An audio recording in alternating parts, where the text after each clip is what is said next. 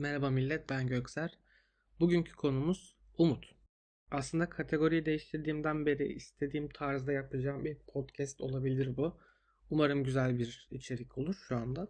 Öncelikle ufak bir şeyle başlayayım. Küçük bir anket yapma şansım oldu geçenlerde. Ve e, yaklaşık 6135 tane oy ve cevap oy veya cevap geldi. 3 tane seçenek vardı ve soru 10 yıl için, gelecek 10 yıl için Türkiye'den umudunuz var mı yok muydu? Ve 6135 tane cevap geldi. Seçenekler evet, hayır ve meh olarak 3 tane seçenek koymuştum. Ee, %53 hayır dedi. Ee, bir günlük bir anket. Bu aslında konumu daha çok netleştirdi. Yani konuyu umut üzerine yapmak istediğime kesin emin oldum o saatten sonra. Ve şöyle ufak bir şey yapmak istedim. Evet önce birkaç tane bilgiyle başlamak istiyorum. Yani bilgi kısmımız olacak. Birazcık araştırma şansım oldu bunu merak ettikten sonra. Bomboş düşüncelerle gelmek istemedim açıkçası. Umut sanıldığı gibi pozitif olmak değil aslında bir şeyde hedefe ulaştığını veya o şeyin sonunu görme isteği olarak verilmiş yabancı kaynaklarda. Yanlış hatırlamıyorsam Harvard'ın özellikle deneyinden bahsedeceğim burada.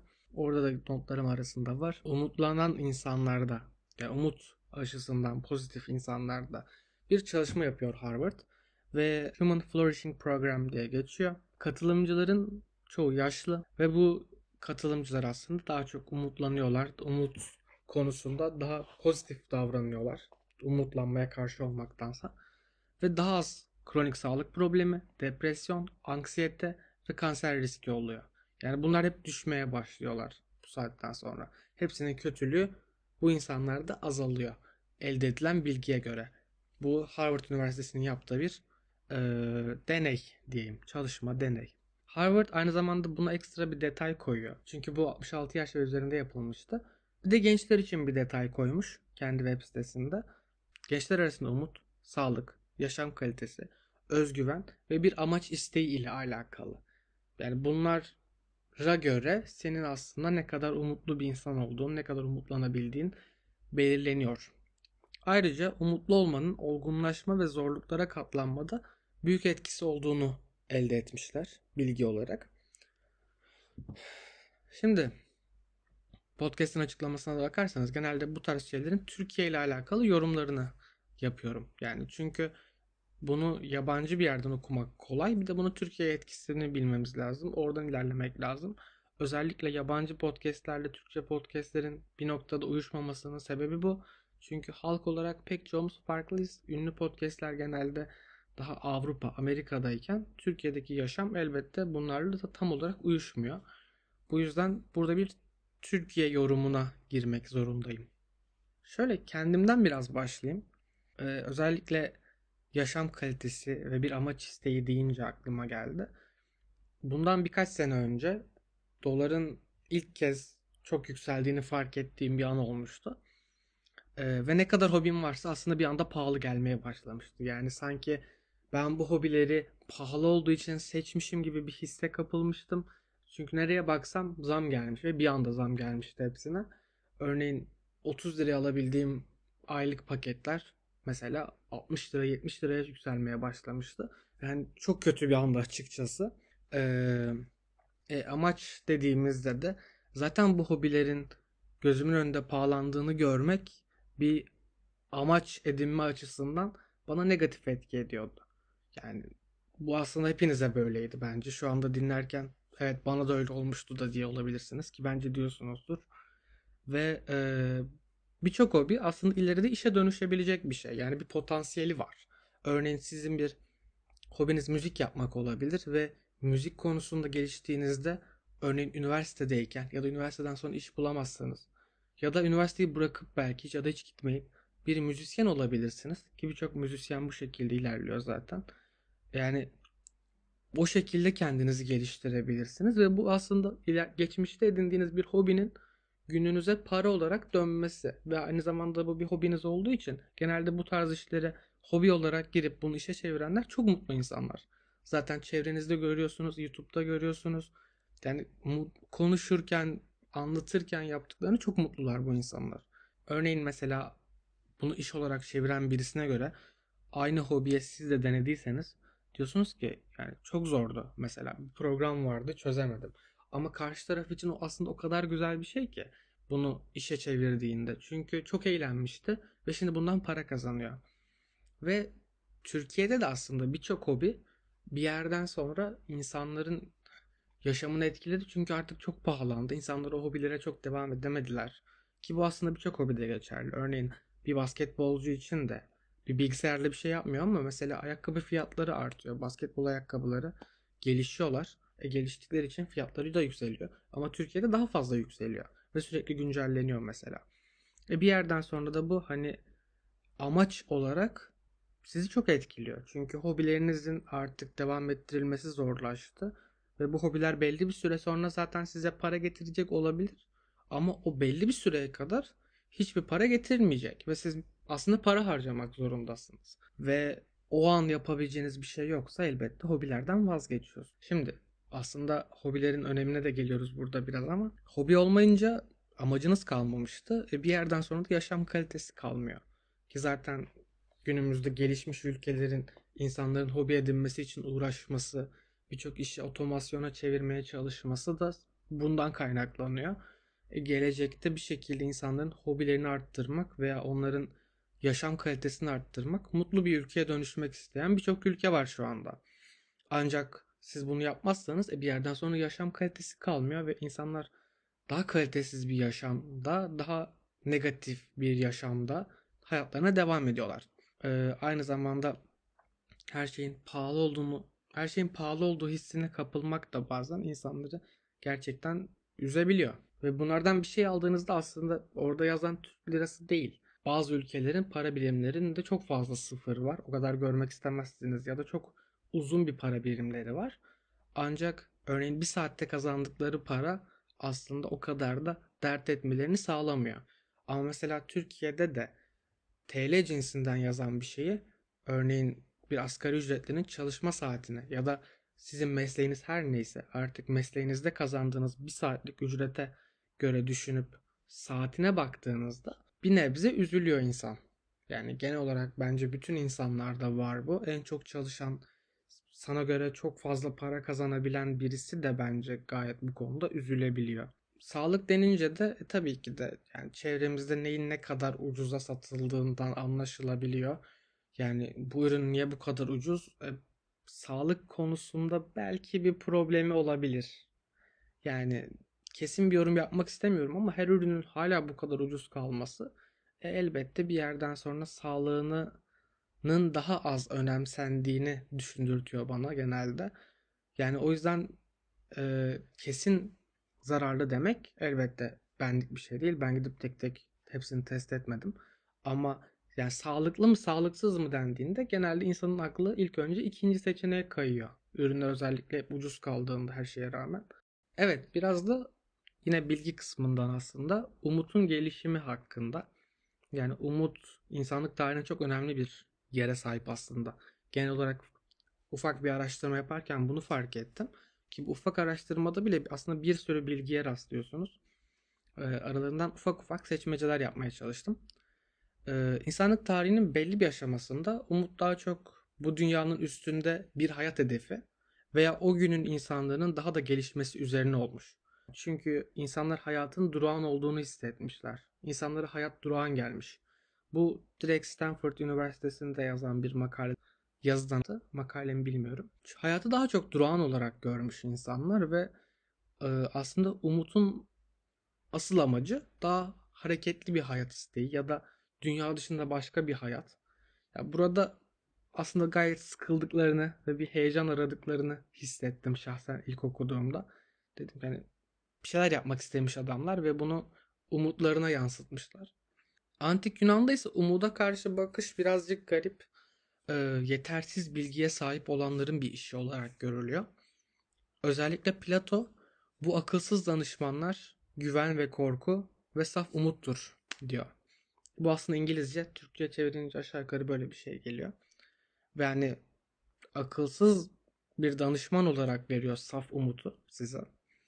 Ancak başka bir kitabı daha var Platon'un ve Philebus diye geçiyor. Sanırım öyle okunuyor. Daha pozitif bir tablo çiziyor. Yani bir yerden sonra umuda karşı bakışı çok değişiyor. Daha pozitif bir bakış açısına sahip olduğu söyleniyor Platon'un.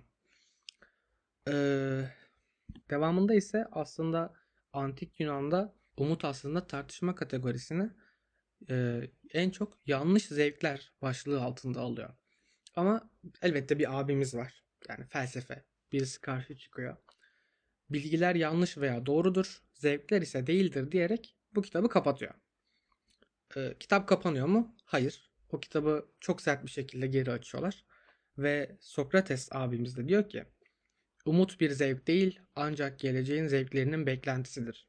Yani düşünce ile umut arasında bir bağlantı kuruyor. Aslında günümüzle düşününce çok kolay bir şey gibi gelse de yani o zaman için çok büyük bir gelişme bence. Çünkü insanların yaptıklarına bir anlam bulabilmesi gerekiyor ve bunları hali hazırda çözdüğü bazı şeyler ile bağdaştırabilmesi gerekiyor. Bu günümüzde de önemli bir şey. O dönem için çok çok mühim bir şeydi muhtemelen bu tanımı yapabilmek. Günümüzde de umutsuz insanların direkt negatif düşünüyorsun gibi değerlendirilmesi aslında Sokrates'in yaptığı tanımın günümüze çok başarılı bir şekilde ulaştığını da gösteriyor. Yani Sokrates'in düşüncesine göre umutsuz insanda geleceğin zevklerine dair bir beklenti duymuyor. Yani negatif.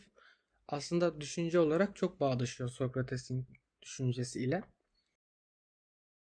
Zaman ilerliyor. Aslında arada çok fazla şey var ama biraz daha yakına gelmek istedim. 17. ve 18. yüzyıl yani kafanız karıştıysa 1900'ler ve 1800'ler. Burada aslında artık bir motivasyon kaynağı olarak görülüyor umut. Elbette bir motivasyon kaynağı olması her zaman iyi değil. Rasyonel bir davranış da yaptırabilir ama irrasyonel bir davranış da yaptırabilir. Bizi başka abimiz, bu artık bu yüzyılda yeni bir birisi var. Umudun kararlılığın zayıf formu olarak görüyor. Aynı zamanda umutlandığımızda bir şey olası ancak kesin olmayan bir şey olarak görmemizden dolayı da anksiyete ile umut arasında bir bağ olduğunu öne sürüyor kendisi. Yani burası aslında gayet güzel bir yorum. Yine gerçeklikle bağlantı kurduğumuzda.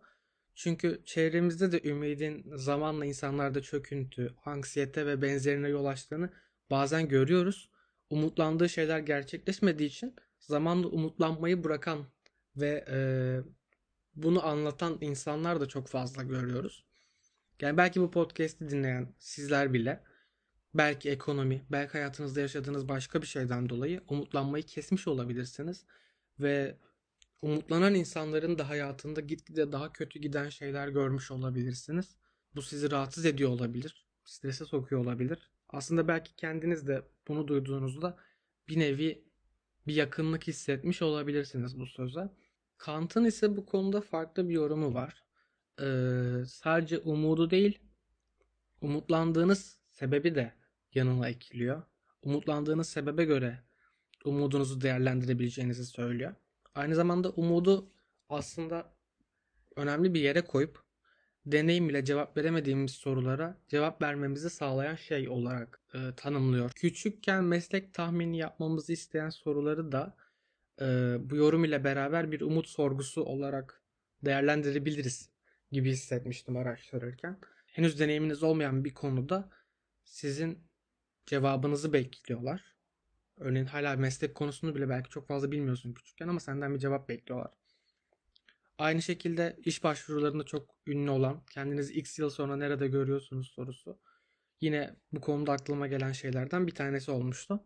Yani zaten düşününce amaç, anksiyete ve umut bir yerden sonra birbirlerine karışıyorlar. Bu kadar şeyi okuduktan sonra ve tekrar konuştuktan sonra aklıma gelen en önemli şeylerden bir tanesi sanırım bu. Düşünce, amaç, anksiyete, umut. Bunlar hep bir noktada birbirlerine bağlanıyorlar ve aslında sıkı sıkı hani zincir gibi. Günümüz kısmına çok fazla değinmeyeceğim. Yani çünkü orada sizin artık kendi deneyimleriniz ve düşünceleriniz var. Ki zaten kendi hayatınız bence bu konuda çok daha net bir düşünce elde etmenizi sağladı özellikle günümüz kısmında. Ama geçmişteki düşünceleri de bir derlemek istedim. Neler var neler yok. Evet o kadar konuştum. Ama şimdi ne yapmalı? Elbette ona da birazcık bakındım. Birazcık bir şeyler elde etmek istedim. Çok aslında bilindik şeyler var burada. Yani 3 tane şey var. Ve bunların bazıları çok bilindik şeyler. Örneğin motivasyon konuşmaları. Bunu çevrenizde yapan, belki kendiniz çok fazla yapıyorsunuzdur. Ki bazılarının birçok insanı etkilediği söylenir genel olarak. Hep böyle altında başarı hikayelerini falan görürsünüz. Ve aslında umutlanmak için, umutlanabilmek için önerilen şeylerden bir tanesi. Ya da sizin gibi olan, sizin gibi bir yoldan giden, sizin istediğiniz yoldan giden birisi sizin hayata karşı daha umutlu bir bakış açısına sahip olmanızı sağlayabilir belki de. İkinci önerilen şey ise affetmek. Kafanızı boşaltıp aslında kendinizi bir yükten kurtarmak.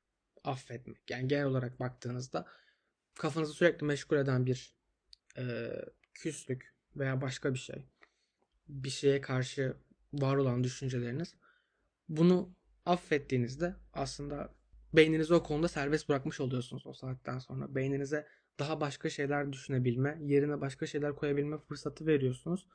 Ve aslında günlük hayatta sizi çok rahatlatacak bir etken de olabilir bu.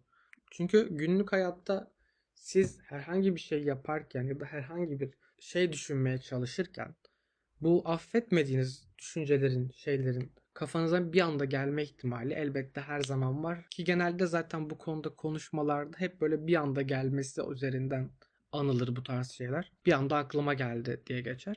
Sanırım bu noktada gerçekten affetmek kısmı önemli bir nokta. Tabi nasıl yapılacağı, ne kadar zor olduğu kişiden kişiye değişen ya da genelde birçok kişi için zor olan bir şey. Ama yine önerilerden bir tanesi. Üçüncüsü aslında önemli de diyebiliriz aslında birçok kişi için. Tavsiye olarak şöyle bir şey değinilmiş. Örneğin sizin gitmek istediğiniz bir yolda ya da çok başarılı bir yolda giden insanların çektiği acıları aslında kendinizin şu anda çektiği bir acı, zorluk ya da engel üzerinden değerlendirip aslında ikisi arasında benzer bir hikaye gibi düşünmeye çalışmanız. Örneğin burada araştırmayı okuduğum sayfada Mandela'nın unutulmayacak birisi olmasından önce 27 yıl hapsine örnek vermiş. Örneğin bu yaşadığı zorluğu aslında o bile bir zorluk yaşamıştı diye düşünmeniz ya da sizinle benzer yoldan giden birisinin yine dediğim gibi yaşadığı bir zorluğu kendi zorluğunuzla e, bağdaştırmanız burada size faydalı olabilir. Sanırım bu kadar. Artık aslında 20 dakikalık bir podcast oldu şu anda. Düzenleyeceğim vesaire. Evet. Ben Gökser. Kendinize iyi bakın. Hoşçakalın efendim.